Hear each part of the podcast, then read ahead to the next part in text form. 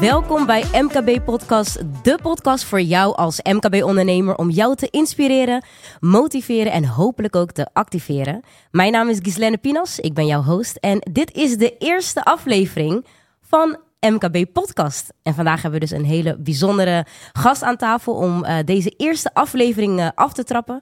Iemand die uh, heel erg veel heeft gedaan en nog steeds doet voor de maatschappij, zowel in Nederland als in het buitenland. We gaan er zo meteen allemaal over praten. Maar uh, ik vind dat hij echt een weldoener is in hart en nieren. En dat is Sander de Kramer. Welkom. Hallo. Leuk dat je er bent. Wat een mooie intro, joh. Ja, ik, ik, ik zat er nog echt hard over na te denken. Hoe ga ik jou introduceren? Want je doet echt van alles. Ja, ik ga helemaal maar. Uh,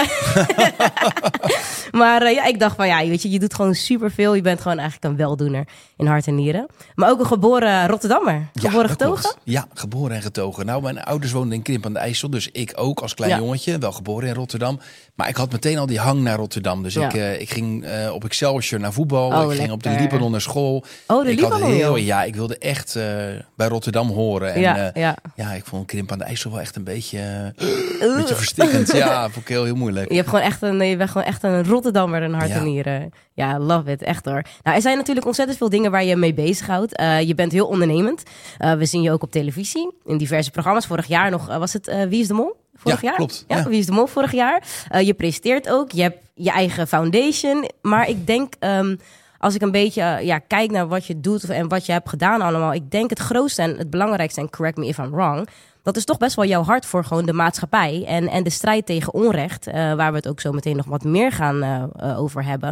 Um, mijn vraag is dus eigenlijk, waar is het dan begonnen voor jou? Neem maar eventjes terug in de tijd. Jonge, jongere Zan, Sander, hoe is het allemaal begonnen voor jou? Ja, nou het mooie is, toen ik uh, acht jaar jong was, toen nam mijn moeder mij mee naar een demonstratie voor Indianen die van het land gejaagd werden. Mm. Uh, oh, dus wow. Native Americans. En, uh, in Nederland? Gingen, in Zuid-Amerika. Oh, Zuid-Amerika. En wij gingen demonstreren in, in de Doelen.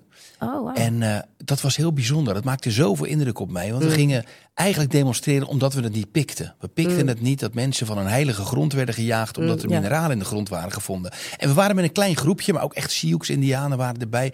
Ja. Maar ik had wel het idee van we gaan de goede kant op. Ik had echt Ja. zoiets van uh, recht zo die gaat. Weet je Maar wel. Begreep je dat dan al op, achtjarige leeftijd? Ja. Begreep je dat dan al van wat er aan de hand was? Ja, ik had wel door dat er wat aan de hand was. Ja, Mm. en uh, mijn moeder legde het ook heel goed uit. Ja. En toen is er bij mij echt een zaadje geplant van... hé, hey, als je kunt, sta dan op tegen onrecht. Kijk wat Mm. je kunt doen. En dat is eigenlijk altijd bij mij gebleven. Want ik ging als klein jongetje al mijn, mijn eigen knuffelberen verkopen... voor het goede doel. Oh, wauw. En uh, met kijkdozen de, de deuren langs. Ik uh, had fietswedstrijden die ik organiseerde voor het goede doel. Wauw, echt alles op jonge om- leeftijd ook gewoon Ja, allemaal. toen was ik echt piepjong. Wauw. En toen je werd wat ouder en uiteindelijk je bent ook eh, als journalist gaan werken Ja. op een gegeven moment. En, en, en toen daarna ook in Rotterdam eh, hoofdredacteur van eh, de dakloze krant in Rotterdam. Ja, het bijzondere Ehm, is, ja. toen ik 12 jaar jong was, toen, uh, toen zat ik dus op de Limanon, op de middelbare Ja. school. En toen uh, gingen we met vriendjes gingen we naar de bioscoop.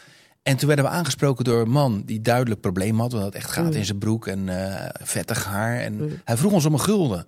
En dat zette mijn wereld eventjes op zijn kop. Van, hé, hey, waarom vraagt deze man mij als volwassene aan een kind om een gulden? Dat Oh, zou toch andersom moeten zijn? Ik zou toch als Ja. kind zou ik zakgeld van een volwassene moeten Ja. krijgen. En ik had veel meer vraagtekens van Ja. uh, wat zou er met die man aan de, aan de hand zijn?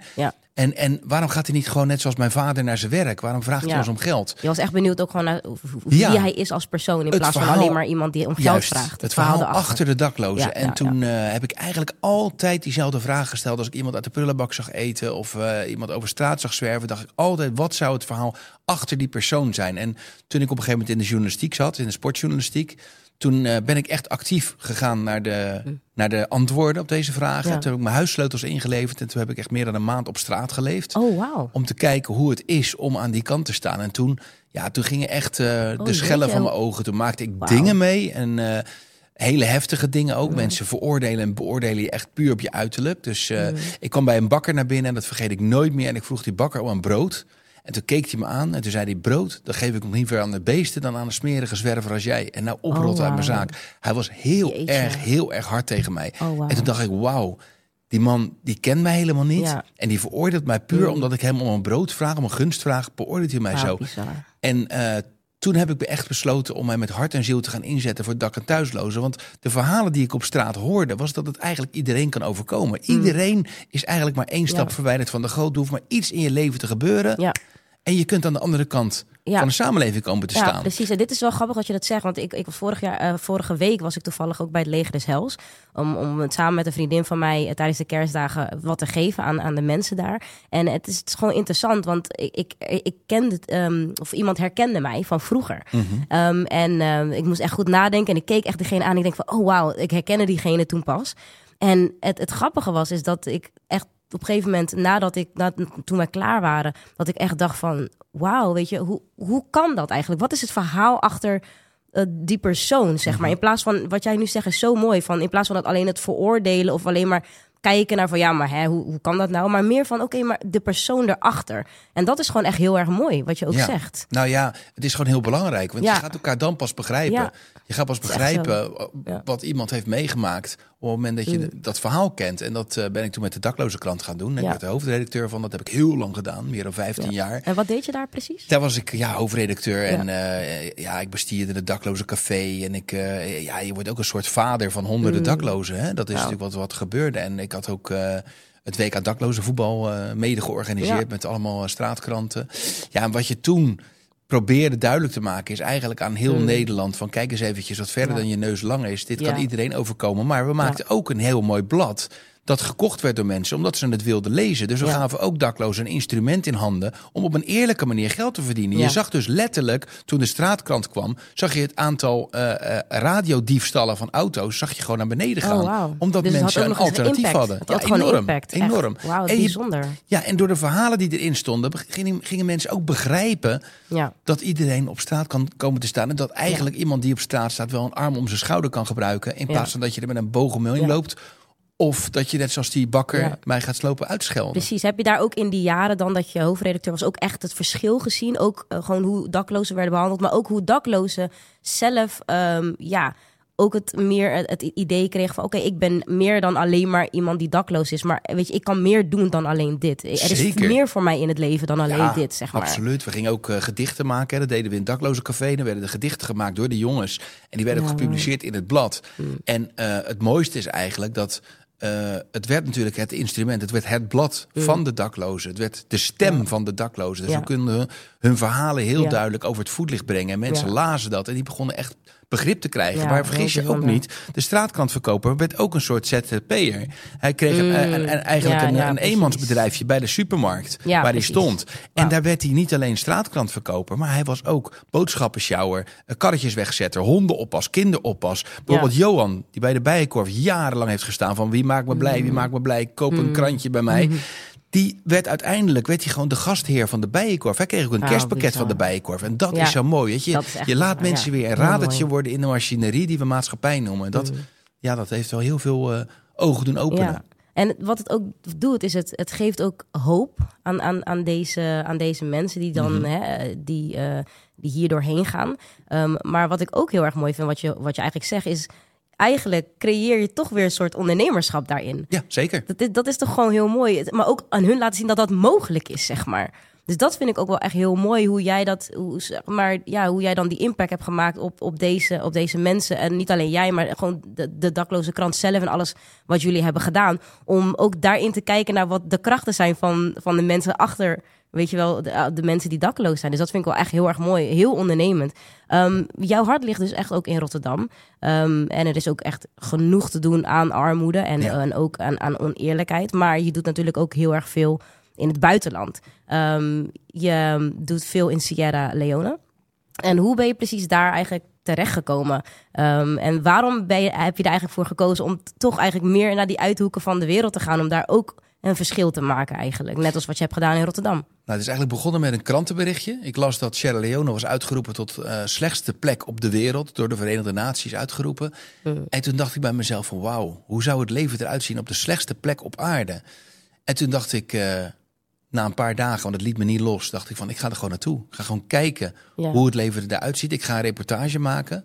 En wie weet ga ik er ook wel wat doen. Nou, toen Ja. kwam ik in Sierra Leone aan. Zo'n mooi land, zulke lieve mensen, maar een enorme armoede. Mm. Ik begreep wel opeens waarom het de slechtste plek op aarde was. Ja. Ik raakte met een jongetje in gesprek. En dat jongetje was eh, aan het bedelen. En zat met één arm zat hij eh, voor zich uit te bedelen in, eh, in de straten van Freetown, de hoofdstad van Sierra Leone. En ik raakte met hem aan de praat. En ik vroeg aan hem, wat, wat is je verhaal? En Ja. toen zei hij tegen mij het ontluisterende verhaal... dat hij in de draagzak zat als baby Oh, wow. bij zijn moeder. En toen kwamen de rebellen kwamen de stad in. En eh, die wilden zijn moeder verkrachten. En de moeder die sloeg Oh, wow. en trapte om zich heen. En toen hebben ze hem uiteindelijk als baby uit die draagzak gehaald. En een van de rebellen sloeg met een machette. Sloeg hij zijn arm eraf. En eh, moeder brak ook meteen het verzet. Is verkracht Oh. En vermoord. Vader was al weg in de chaos van de oorlog. En dat jongetje zat dus als weeskind met één arm voor zich uit te Mm. bedelen. In de straten van Freetown. En toen dacht ik wel bij mezelf van wauw. En toen vroeg ik hem naar zijn naam. Toen wachtte hij even. En toen zei hij Abdullah. En toen zei ik maar waarom moest je even wachten? Toen zei hij van nou ik weet niet hoe mijn moeder me ooit genoemd heeft natuurlijk. Want ik was nog maar een baby. Maar ik Oh, vind wauw. Abdullah wel een mooie naam. Vindt u niet? En toen begreep ik van Oh. wauw. Iemand die zich ter plekke bij mij een naam geeft. Na zoveel dat jaar, hè, want dat was al een jaar of acht. En dan Ja. nu een naam geeft en dan aan mij vraagt of, de- of ik het ook een mooie naam vind. Toen dacht ik wel van ja, dit is wel echt de slechtste plek op de wereld. Ja, Ja, en toen heb je ook echt besloten om wat meer, om, om gewoon heel veel werk ook daar te doen. dat En komt ook, ook, eh, omdat ja. ik in de diamantmijnen terecht ben gekomen. En daar heel veel kinderen, echt eh, weeskinderen ook, eh, die als kindslaven in de diamantmijnen werkten. Die waren na de oorlog gerecruiteerd als meest kwetsbare kinderen om, om voor loesje diamanthandelaren naar oorlogsdiamanten te gaan zeven en Oh. graven. En toen dacht ik bij mezelf, ik pik dit niet. Ik, ik, ik pik dit gewoon niet. Dan kom je eigenlijk weer een beetje op het verhaal waar we het net over hadden.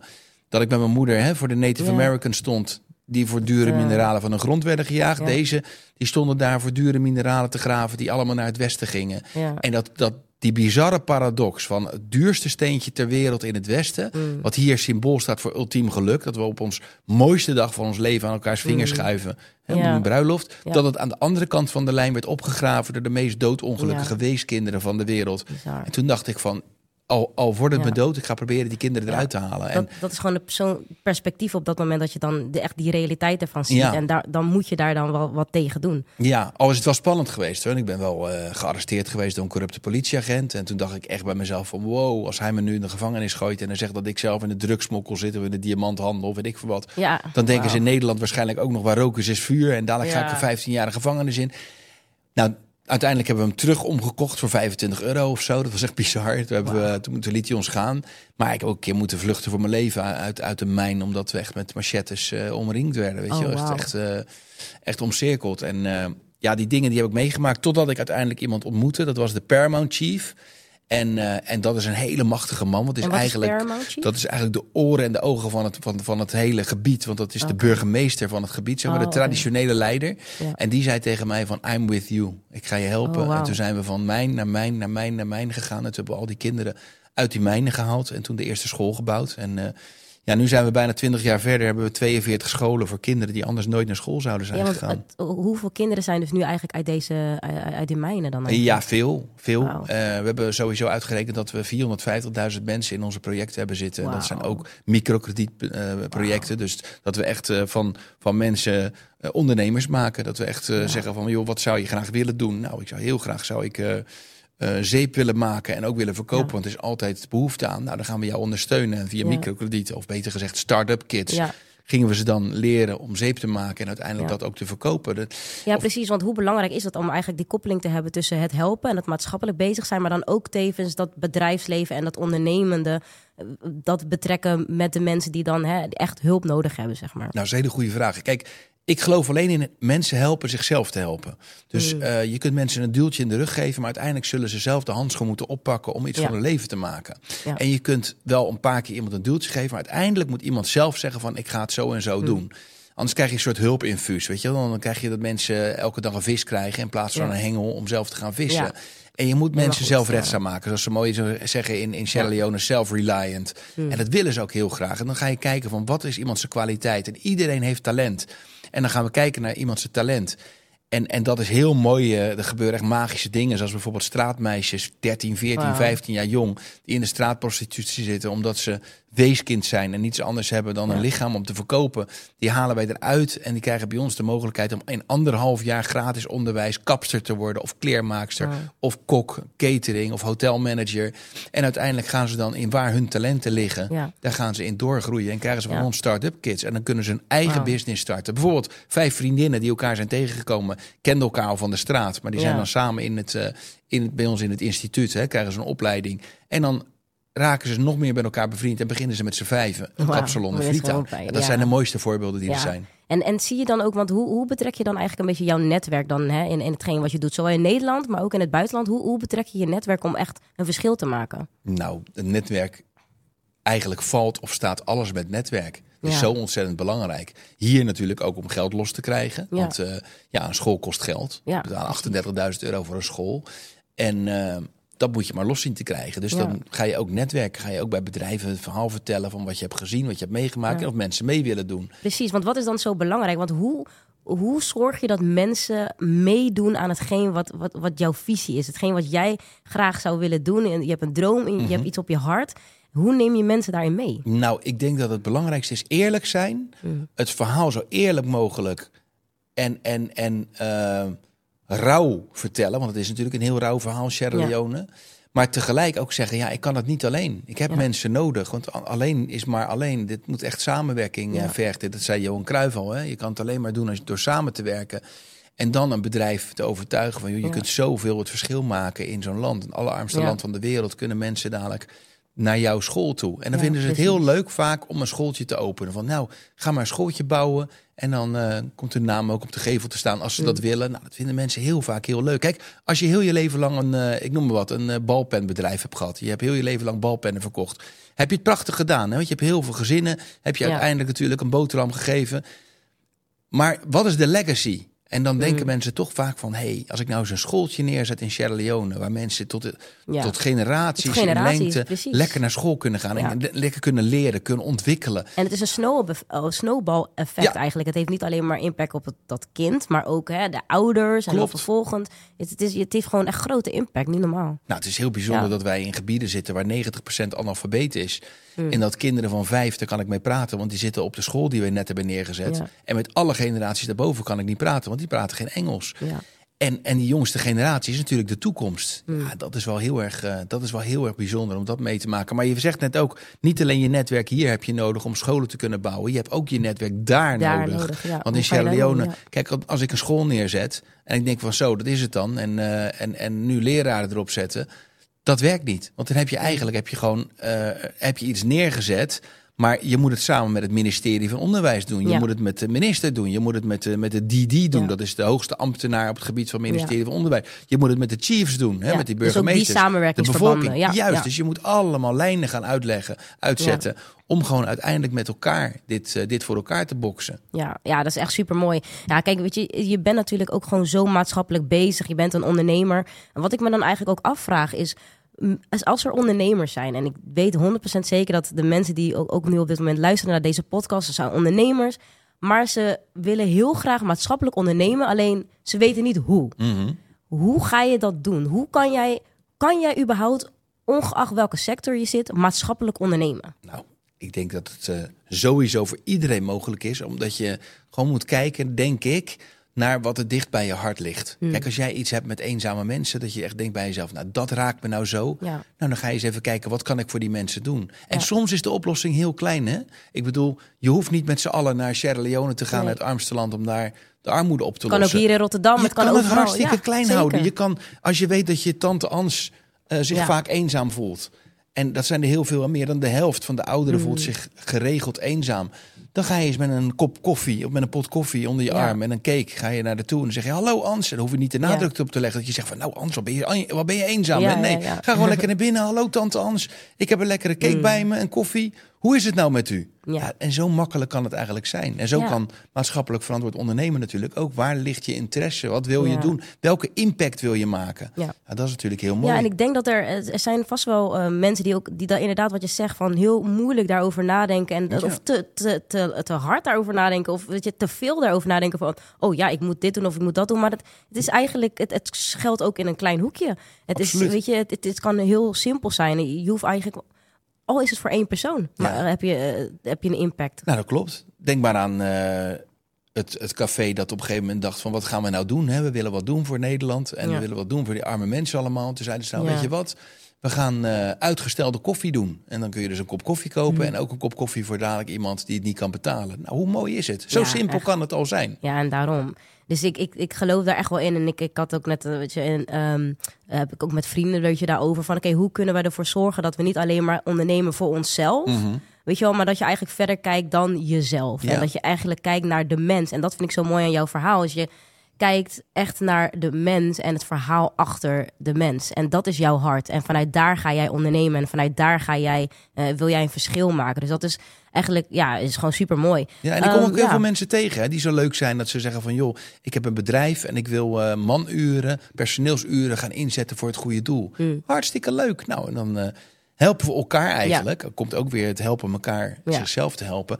En dan, en dan gaan we iets bedenken en dan zeggen we van nou, als zij nou eens dat en dat gaan doen en de container moet nog worden ingeruimd en eh, Ja, nou ja, dat is hartstikke leuk. ja dat is echt heel Het hoeft allemaal niet zo moeilijk te zijn. Nee, precies. Ja, nee, dat is, je hebt echt helemaal gelijk. Eh, jij hebt in 2021 eh, heb jij de Four Freedoms Award ja, dat gewonnen. mooi. hè? Ja. Dat is, is echt zo bijzonder. Gewoon de, eh, want het allereerst de Four Freedoms Award, dat gaat over de vier eh, vrijheden van eh, Roosevelt. Ja. Dus dat is de vrijheid van, als ik het goed heb, godsdienst, gebrek, vrees ehm, en eh, wat is het andere? Menings, eh, vrijheid van meningsuiting. Ja, klopt. Ehm, en dus jij hebt deze award eh, gewonnen, omdat jij je dus echt inzet voor deze vier vrijheden. Hoe was het om zo'n award te ontvangen? Ja, dat was bizar. Ja, dat is wel heel groot. Zeker Ja, als je ziet welk toch- rijtje je staat. En, Ja, bizar. het wordt dus het ene jaar uitgereikt in New York en het andere jaar in Middelburg. Want daar Ja. kwam de familie Roosevelt. Hè, Roosevelt kwam daar vandaan.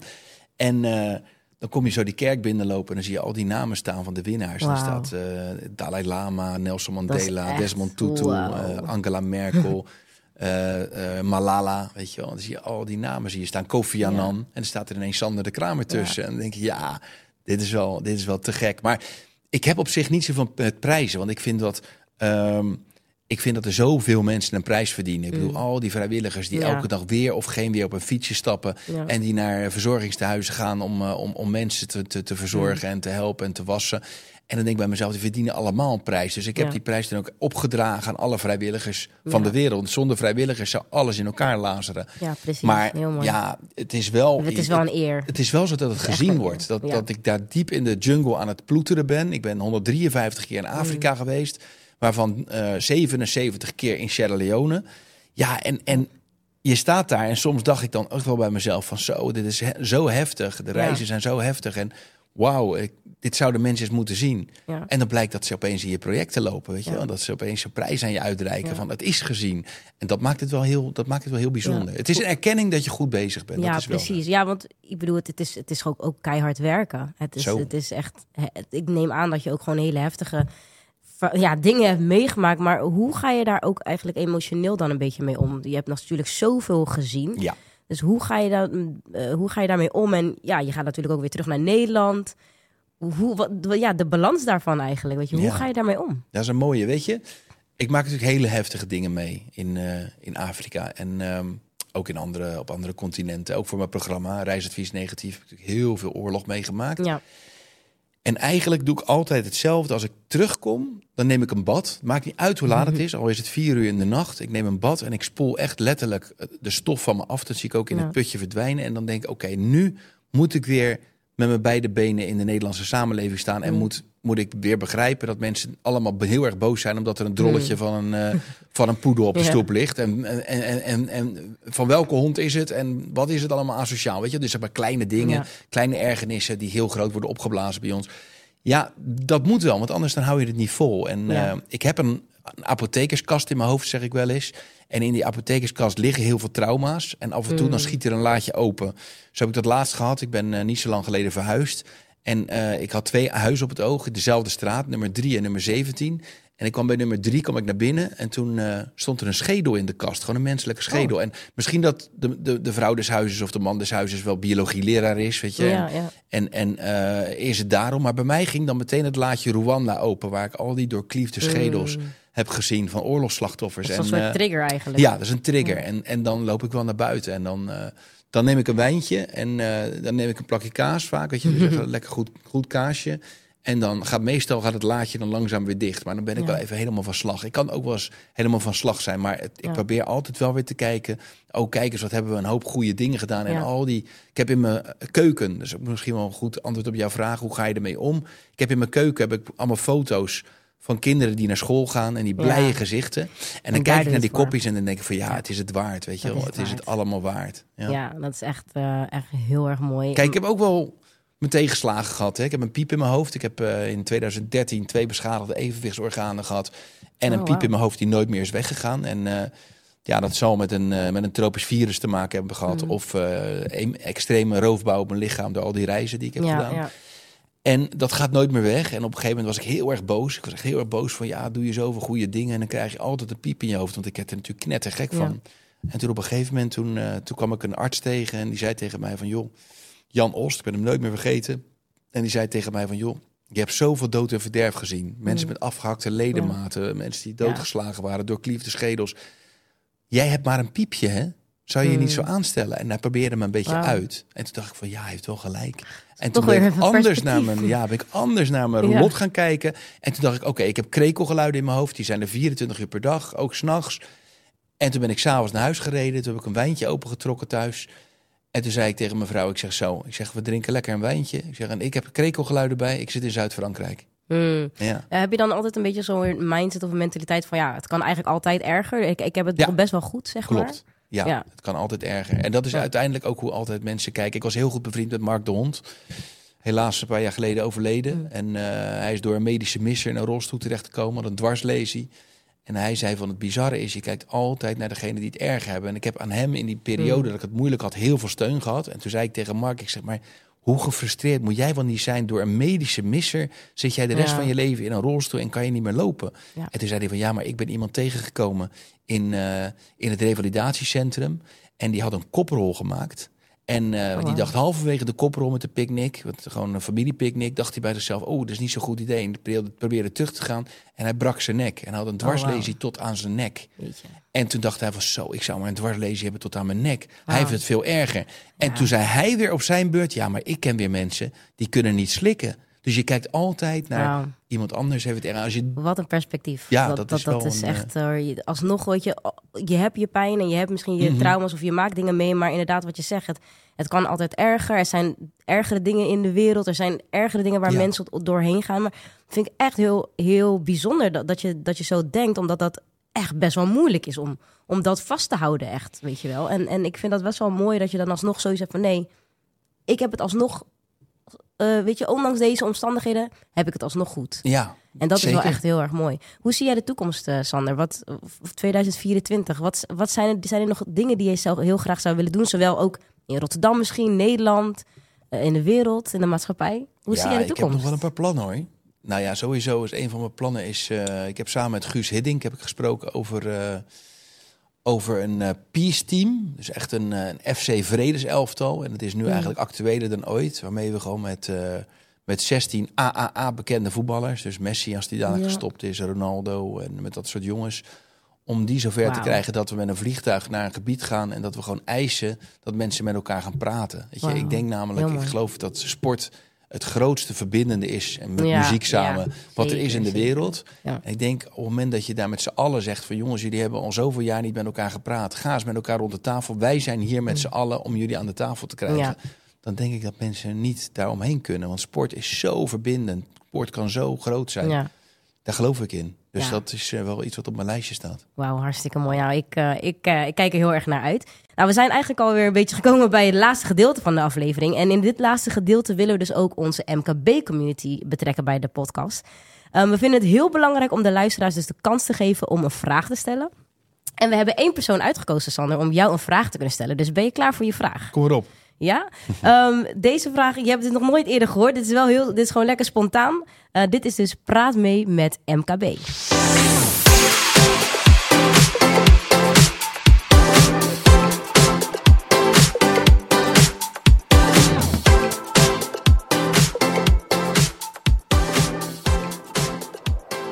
Hey Sander, Medion van Funvillage Rotterdam.